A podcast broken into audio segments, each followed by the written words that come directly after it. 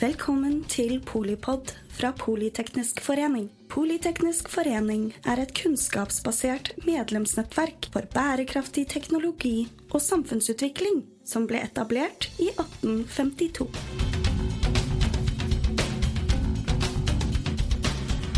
Velkommen til Polipod og det jeg brenner for. I denne årsspesialen fra Polipod hører du medlemmer av direksjonen i Politeknisk forening snakke om hva som er og blir viktig på sine områder i 2024. Hjertelig velkommen til deg, Morten Wetland. Du er jo i direksjonen her hos oss, og du har en eh, veldig spennende karriere bak deg. Du har vært statssekretær på statsministerens kontor, både i Gro Harlem Brundtlands regjering og Jens Stoltenberg. Du har også vært ambassadør både til Tyskland og FN i New York. Det stemmer. Heldigvis. Ja. Eh, Kan du fortelle meg litt, hva brenner du for? Ja, jeg har vært forsiktig med å bruke det uttrykket om meg selv hele livet, helt til nå da dere tok kontakt med meg om dette. Eh, og fordi jeg er interessert i mye og prøver å holde meg orientert osv. Men eh, siden eh, invasjonen i Ukraina 2022, så syns jeg det er riktig å si at jeg brenner for Ukrainas uh, framtid. Um, og jeg hadde litt uh, kjennskap til landet på, gjennom arbeidet jeg hadde gjort. Nå er jeg pensjonist, men da har jeg jobbet for uh, det ukrainske gasselskapet gjennom det norske advokatfirmaet Vikborg og Rein. Så jeg var en del der nede, og kunne derfor litt mer enn normalt da det smalt eh, i 2022. Hva gjorde du der nede?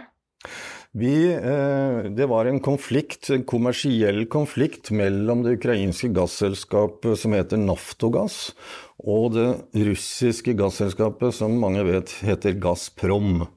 Om transport av gass gjennom rørledninger som går gjennom Ukrainas territorium. Det er som om du skulle kjøpe sporveiene her i byen. ikke sant? At du eier ikke trikken, men du eier skinnene. Og så får du betalt for bruk av det. Og rørledningene gjennom Ukraina var på en måte skinnene som ukrainerne fikk betalt for. Men så oppsto det strid om kontrakter og hva som skulle betales for hva. Og det var den største kommersielle voldgiften i historien, for striden sto om 125 milliarder amerikanske dollar. Og min oppgave, det var, eh, da jeg fikk henvendelsen, var kan du ta Global Communications? Altså dette er en rettsstrid, men det er også en strid om hva folk mener rundt omkring i verden. Eh, å skape sympati og forståelse for ukrainernes sak. For det russerne holdt på med da, det var egentlig å kvele Ukrainas økonomi. Og dette er jo noen år før krigen og invasjonen. Men eh, russerne satte jo veldig liten pris på ukrainernes ønske om å bli medlem av både EU og Nato. Eh, og ved å kvele ukrainernes økonomi, for dette var en stor del av deres inntekter, det som hadde med gass å gjøre, eh, så ville de altså svekke Ukrainas evne til å bli medlem av EU, for det er faktisk ganske krevende. Det er ikke bare hvem som helst som kan bli det. Det må være litt på stell i det landet som ønsker seg å bli behandlet på lik linje med Frankrike, Tyskland osv. Og spol frem til eh, 2022. Ja, eh, og så fikk vi jo da Mange fikk med seg at det ble sprengt i stykker en gassledning gjennom Østersjøen som heter Nord Stream 2. Og ennå vet vi ikke helt hvem som har gjort det. Men hensikten med de to rørledningene, Nord Stream 1 og Nord Stream 2, det var å gjøre ledningene gjennom Ukraina overflødig. Fordi kapasiteten nord, gjennom Østersjøen ville blitt slik at det ikke var behov for rørledninger gjennom Ukraina. Så du oppnår to ting hvis du eh, er eier av Nord Stream 2. For det første så sparer du penger og beholder penga sjøl hvis du eier rørledningen, og slipper å betale andre for det. Um, og og så, så kveler man altså uh, ukrainerne uh, inntekter. Og, og, og altså, jeg tror en viktig driver i den situasjonen vi står oppe i nå, det er altså Vladimir Putin. Han har jeg møtt to ganger, forresten. Um, Hvordan var det? hva? Hvordan var det? Nei, hvordan var det? Det var jo på Første gang var han holdt Jeg var ambassadør i Tyskland, og så holdt han tale i forbundsdagen, akkurat som Zelenskyj gjorde her i Stortinget. Og så var det noen av oss som ble stående og, og småprate med han etterpå. Og det var ikke noe sånn mer enn det, altså. Men eh, de ambassadører fra andre land de ville gjerne ha autografen hans. da, Det syntes jeg var litt smålig, så det skulle ikke jeg ha. Men han trodde at han hadde fått pennen av meg, så vi hadde en diskusjon om ikke jeg ville ha tilbake pennen min. Viktige politiske spørsmål. Og den andre gangen var jeg sammen med Jens på et møte i Helsingfors, som var et regulært bilateralt statsministermøte mellom Putin og Russland og Norge og Jens. Og det er de vanlige sakene mellom Norge og Russland som aldri går bort, ikke sant? inkludert eh, nordområder og Svalbard og olje og sånne ting. Og da så det ut som han kjedet seg grundig, men han oppførte seg pent og hilste på alle og sånn. Ja. Kan du ikke fortelle litt? Du har jo Det er jo mange som har vært um, engasjert og eh, tenkt mye på krigen mellom Eller invasjonen av Ukraina. Du har jo eh, involvert deg på en litt annen måte, eller litt mer enn andre, kanskje. Kan du ikke fortelle litt om det? Jo, det kan jeg. altså I løpet av 2022 Jeg trodde jo aldri at det skulle bli noen invasjon. Jeg tok feil der. Eh, Så, og det var bl.a. i disse lokalene vi er i nå, så hørte jeg stadig folk si at ja, det, men nå må jo diplomatiet virke, og det må jo bli forhandlinger og sånn. Jeg tenkte herregud, du kan ikke ha noen avtale med en fyr som invaderer et naboland. Og du tror at det er verdt mer enn papiret det er skrevet på. Det har ikke vært det en gang. Men jeg gjorde ikke noe nytte for meg egentlig i løpet av 2022. Men så, eh, mot slutten av det året, så ble jeg kontaktet av Og det er lederen for Stortingets kontroll- og konstitusjonskomité, som på sin fritid brenner for Ukraina. Eh, og uh, hadde satt i gang sammen med venner og kontakter og se hvordan kan vi hjelpe dem og oppnådd en del kontakter i, uh, på politisk hold og militært hold nede i eh, Ukraina.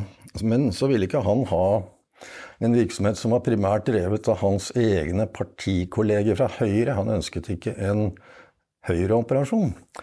Så han var på jakt etter hvordan kan vi sørge for å få et tverrpolitisk Og da var det snakk om styre i en organisasjon som ble opprettet og registrert i Brønnøysund under navnet Fritt Ukraina. Og jeg ble spurt om det da. Så at eh, det styret ble eh, opprettet. Og eh, vedtekter ble registrert i Brønnøysund eh, osv. Og det var eh, helt på slutten av 2022. Eh, Så skulle vi gjøre to ting. Vi skulle samle inn penger. For det så skulle vi kjøpe utstyr, og vi skulle bare kjøpe utstyr som våre ukrainske kontakter eksplisitt ba om. Og ikke slik at vi kjøpte inn ting som vi trodde de hadde bruk for. Hva ba de om da? Nei, de ba jo om ting de trengte i det militære, sånn som eh, Jeg kommer tilbake til det, altså, men f.eks. biler med firehjulstrekk og diesel og sånn, som som er særlig er til å forflytte små grupper av soldater eller evakuere sårete. Eh, Så det eh, begynte vi å skaffe inn i Norge etter at vi hadde en ganske vellykket start på en innsamlingsaksjon hvor vi særlig rettet oss mot eh, personer i Norge som vi trodde hadde råd til å gi eh, viktige bidrag. Og det, det gikk bra. En oppstart. sånn at vi, Første gang jeg kjørte til Ukraina sjøl, var i januar i år. Uh, starter vi en tidlig morgen fra Ryenkrysset. Ja, for du har faktisk kjørt ned dit selv. Ja, jeg har vært med på tre turer i, gjorde det før i første halvår for å lære det. For jeg mente det var viktig at vi som er i styret, at vi kan snakke på grunnlag av egne erfaringer når vi forklarer andre, sånn som jeg prøver å gjøre nå, om hva den virksomheten går ut på. Eh, og det var jo januar, og det var jo køl mørkt. Ja. Og det er et stykke vei å kjøre, altså. Ja, fortell. Dere begynte i Rynkrysset. Begynte i Rynkrysset. Da fikk jeg tildelt en bil som jeg aldri hadde sett før. Eh, og da hadde vi én person i hver bil. Sju biler. Seks av dem ble igjen i Ukraina. Og den syvende var en sånn administrativ følgebil som vi hadde på de første trinnet, trinnene, hvor vi ikke hadde gjort det før. For da var det mye å lære. Når det gjelder grensepasseringer, registrering ut og inn av EU og tollpapir og mye, mye, rart som vi aldri hadde gjort før, men som vi nå har gjort mange ganger. Mm. Fordi i løpet av året har det gått 17 kolonner fra Fritt Ukraina ned til, ned til Ukraina. Og totalt har vi levert 103 eh, biler og over 400 droner. Um, nå har vi i det siste levert påhengsmotorer som de bruker til å krysse de brede elvene ja. som renner ut i Svartehavet, over på der hvor russerne står.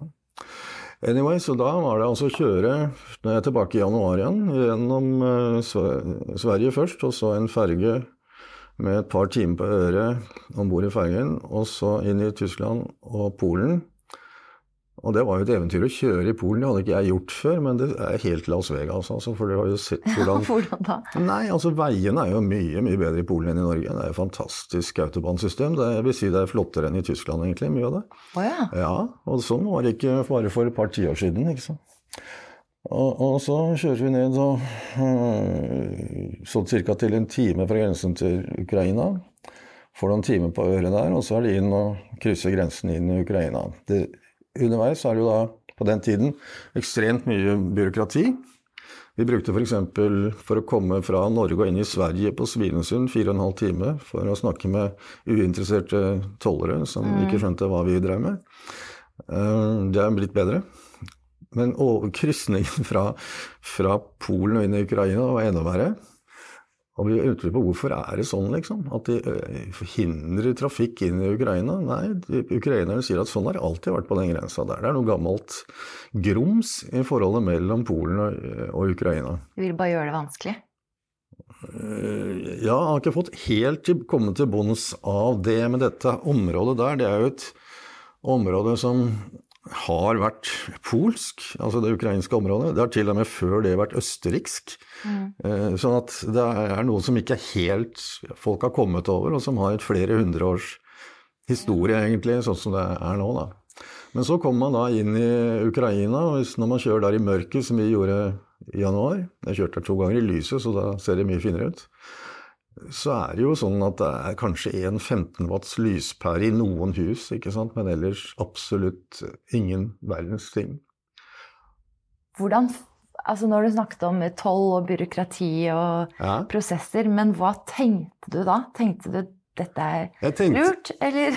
nei, jeg, jeg, tenkte at her er det Altså det vi så i begynnelsen, kort et, etter invasjonen, var at folk snakket om å, dette må gå over, må vi forhandle. og jeg orker ikke å se på dette her mer, så det er best om vi forhandler. og at uh, Kanskje at underforstått at ukrainerne skal gi bort uh, en fjerdedel av landet sitt for at vi skal slippe å se på den krigen. Um, det vi merket underveis, det var jo at uh, mye byråkrati Og da tenker jeg til også på det norske tollvesenet. Og i en periode Utenriksdepartementets eksportkontroll håndterte det de hadde av regelverk som om det var fred. For disse reglene er jo skrevet Mange regler om krig er skrevet på bakgrunn av erfaringene fra den forrige krig. Nå hører vi både om Gaza og om Ukraina at det er brudd på krigens folkerett. Og det er ikke noe tvil om at det langt på vei kan stemme. Saken er jo at mange av disse reglene er skrevet på grunnlag av erfaringer fra landkrig i Europa. Eh, med aktører som baserte seg på noen århundrer med uskrevne regler for hvordan man håndterer og forholder seg til andre stater. Man erklærer krig og sant, sitter ned og tar pauser i krigingen. Alt mulig rart sånn som ikke går hvis du har en motpart som ser seg tjent med å ikke følge noen regler i det hele tatt. Nå er, nærmer vi oss eh, slutten av året, og det er jo ikke så lett å spå akkurat hva som skal skje til neste år. Nei. Men eh, hva, hva tror du blir viktig i året som kommer? Hva er det vi skal følge med på neste år? Nei, altså, det, det er mye. For det kommer alltid en eller annen overraskelse. Det var jo ingen som trodde at vi skulle stå i en situasjon eh, For ett år siden var det ingen som sto, trodde at vi skulle, eh, eller litt mer, både få Ukraina-krisen og det som skjer i Midtøsten på en gang. Så det er vanskelig å se. Og så er det jo klart at mange opplever sitt, effekten av dette i sitt nærmiljø. Sånn som gjort det til en vane å, å, se når jeg kjører forbi en bensinstasjon, hva koster literen her, ikke sant. Mm. Nå er det ganske normalt. Det koster omtrent det samme som uh, for 20 år siden i, i, i, kroner. Men mange av disse effektene slår jo inn i mange menneskers hverdag. Og da er det ikke så rart om, uh, om de er mest opptatt av det, og, og syns at alt det andre er uh, forstyrrende. Så det må jo bli mange som har et fokus, naturlig nok, på sin hverdag og sitt arbeidsliv og, og sin eh, situasjon, situasjonen i skoleverket. Altså det er jo mye mer om det i norske aviser enn det er om krigen i Ukraina, egentlig. Eh, fraværsgrenser og eksamen og alt mulig rart sånn, som vi kommer til å krangle aller mest om, eller bare ha mest diskusjon om.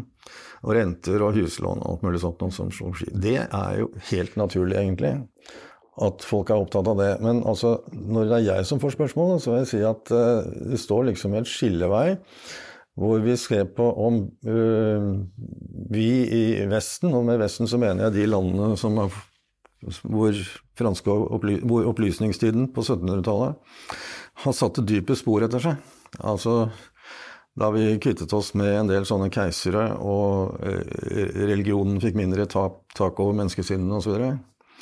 Um, om vi greier å stå og forsvare det som ble oppnådd i den vestlige verden, og som handler om uh, ja, regler både inne i land og mellom land.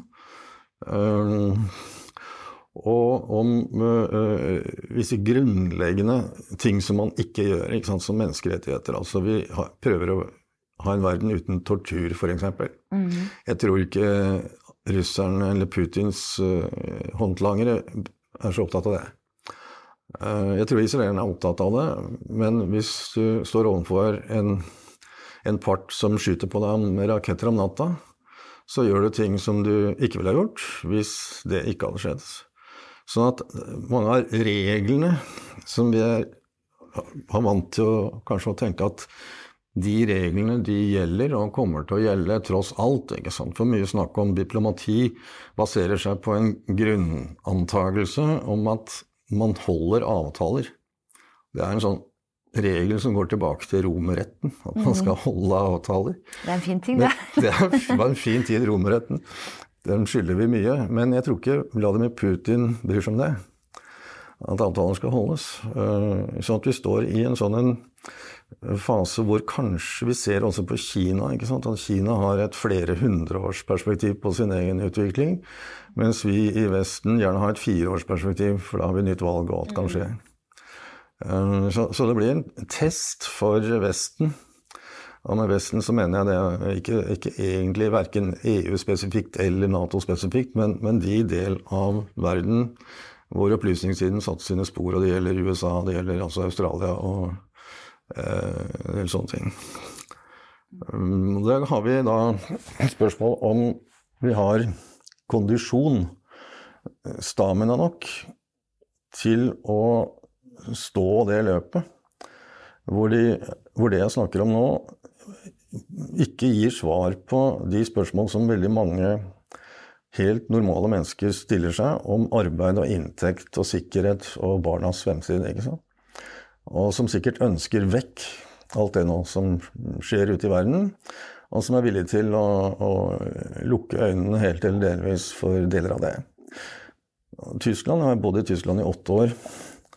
Eh, de ble jo effektivt avmilitarisert etter den andre verdenskrig. ble sett på som veldig viktig at militæret i Tyskland, som hadde vært sterkt drevet av eh, militæret egentlig siden 1700-tallet. Prøysen ble en stormakt i Europa. Mm.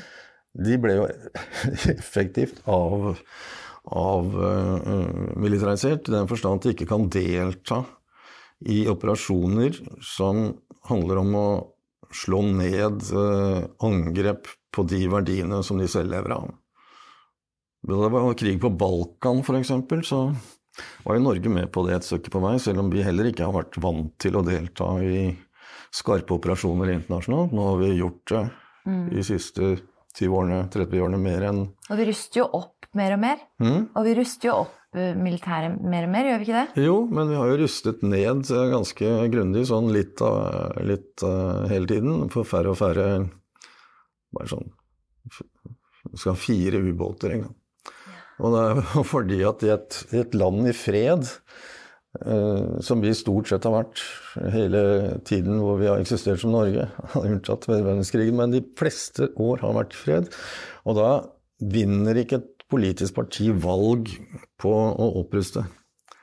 Eh, så at vi har hatt en, altså en, svek, en, reduksjon av andelen som går til forsvar jevnt og trutt i lang tid. Nå er det mye som tyder på at det går motsatt vei. Eh, men det tar tid. Men det vil altså da nødvendigvis komme når du ser hva du står overfor. Fordi det at du kan bli innviklet i, i kriger, er blitt mer reelt enn det syntes for oss før Ukraina. Mm. Hva håper du å være med på selv, da? Har du planlagt noen flere turer? Jeg har ikke planlagt uh, her jeg sitter nå, noen turer for meg selv, men jeg uh, har jo de siste dager jobbet med uh, å ha kontakt med de vi regner som donorer Altså som kan komme pengebidrag til oss, og som ønsker å være en del av, av, denne delen av den norske støtten. For den norske offentlige støtten er jo svært omfattende. I disse dager står det jo mye om det i avisene. Eh, det er jo noe som den enkelte ikke merker, mens vi opererer i et frivillighetsmarked. Så det eh, er jo noe vi må holde ved like, og, og bidra til å fortelle vår historie. Og det har jeg gjort de siste par dagene. Skrevet brev og testa ut hvordan vi skal kommunisere med de forskjellige norske miljøene som vi tror har evne og potensiell vilje til å være med på dette. Og så er det mange som da ikke ønsker å offentliggjøre at de støtter oss, fordi de Ja, det er mange som ikke vil ha oppmerksomhet. Av forskjellige grunner. Men noen ønsker det. Og det må vi da vite hvilket terreng vi tråkker i, sånn at vi ikke skuffer mulige partnere, kan vi kalle det det? Ja. Mm. Okay. Tusen takk for praten, Morten Wetland, og takk for det utrolig viktig bidrag og arbeidet du gjør. Jo, men eh, hvis jeg får lov til å slenge på, så ja. er det altså mulig å gå inn på nettsidene hvis man vil vite litt mer om det jeg har snakket om. Ja. På nettsiden fritukraina i ett ord og små bokstaver.no Eh, så, så, ser man eh, oppdaterte tall og bilder fra det jeg har snakket om nå. For vi har ganske mye billedmateriale fotografert det. Så jeg syns det er morsomt selv. Jeg er sikker ja. på at de som hører på dette, kunne ha moro av å se ja, på det. Nei, men Da oppfordrer vi til det. Gå inn og se på bilder. Kanskje mens du lytter til denne episoden, så får du en, en helt full opplevelse der. Ja. Eh, mitt navn er Anja Magnussen, og jeg er podkastredaktør her i Politeknisk forening. Jeg håper du har fått eh, ny lærdom og inspirasjon på gjenhør. Du lyttet til Polipod fra Politeknisk forening.